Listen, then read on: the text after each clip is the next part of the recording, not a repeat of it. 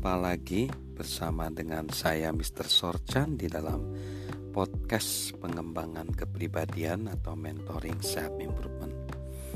Pada saat ini kita akan melihat, belajar apa sih sebenarnya tujuan tertinggi dari kehidupan ini. Seperti yang dikatakan di segmen berikutnya, Tujuan tertinggi manusia adalah bagaimana dia bisa bermakna di dalam kehidupannya dan bermanfaat bagi sesama. Dalam konteks kepemimpinan, itu juga adalah tujuan tertinggi. Berbicara tentang kepemimpinan, yang utama dari inti kepemimpinan adalah menambahkan nilai pada diri orang lain. Seperti yang sudah saya katakan juga di segmen sebelumnya, memimpin diri sendiri, memimpin di keluarga, memimpin di perusahaan, di mana pun di masyarakat, di komunitas. Kepemimpinan itu adalah menambahkan nilai kepada orang lain. Nah, jika kita ingin sukses, ingin berhasil sebagai pemimpin, kita jadikanlah orang lain itu menjadi lebih baik.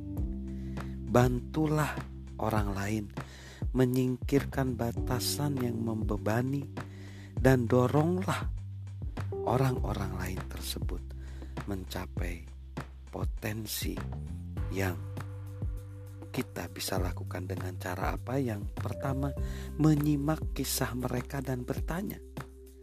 Kita tidak akan pernah memahami orang lain sebelum mendengar kisah hidup mereka. Begitu mengetahui kisah mereka, kita akan memahami riwayat, luka-luka, harapan, dan cita-cita terdalam mereka. Kita memahami mereka jika kita menyimak dan mengingat hal-hal penting bagi mereka. Kita menyatakan perhatian dan keinginan kita untuk menambah nilai. Yang selanjutnya memprioritaskan agenda mereka. Terlalu banyak pemimpin mengira kepemimpinan adalah tentang diri mereka sendiri. Pemimpin yang baik berfokus pada kebutuhan dan keinginan orang-orang yang dipimpinnya selama masih dalam kekuasaannya, ia memprioritaskan harapan dan impian orang lain. Ada kekuatan dahsyat saat visi perusahaan dan impian orang-orangnya menjadi selaras, dan semua orang menjadi menang. Lalu meyakini mereka, jika kita ingin menolong orang lain, percayalah pada mereka orang cenderung berprestasi lebih baik saat mereka percaya diri. Karena itulah sungguh indah saat seorang pemimpin dipercaya, tapi lebih indah lagi bila sang pemimpin mempercayai pengikutnya. Untuk meningkatkan kepercayaan diri seseorang, tunjukkan keyakinan kita pada diri mereka. Umumkan, orang akan berusaha mencapai level harapan kita dengan melihat nilai semua orang dan memberi tahu mereka bahwa kita menghargai mereka itu akan menolong mereka, perusahaan dan diri kita sebagai pemimpin. Membahas cara mewujudkan visi mereka dan menyusun rencana yang sesuai Begitu kita tahu apa yang membuat mereka bersemangat serta memahami harapan dan impian mereka, kita mampu menambahkan nilai dalam hidup mereka secara luar biasa. Ajaklah mereka bicara tentang cara-cara yang bisa menolong mereka mewujudkan visi sembari mereka bekerja dan menolong perusahaan. Lalu bersama-sama susun rencana untuk menolong mereka melakukannya. Dan yang selanjutnya, membantu mereka hingga visi itu terwujud. Berjanji menolong anggota kita akan sangat berbeda dengan benar-benar menindaklanjuti dan menolong mereka menjalani prosesnya.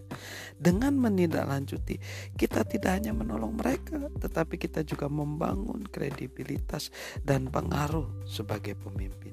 tidak hanya di mata mereka, tapi juga di mata semua anggota kita. Tidak ada ruginya kita menambah nilai pada hidup orang lain.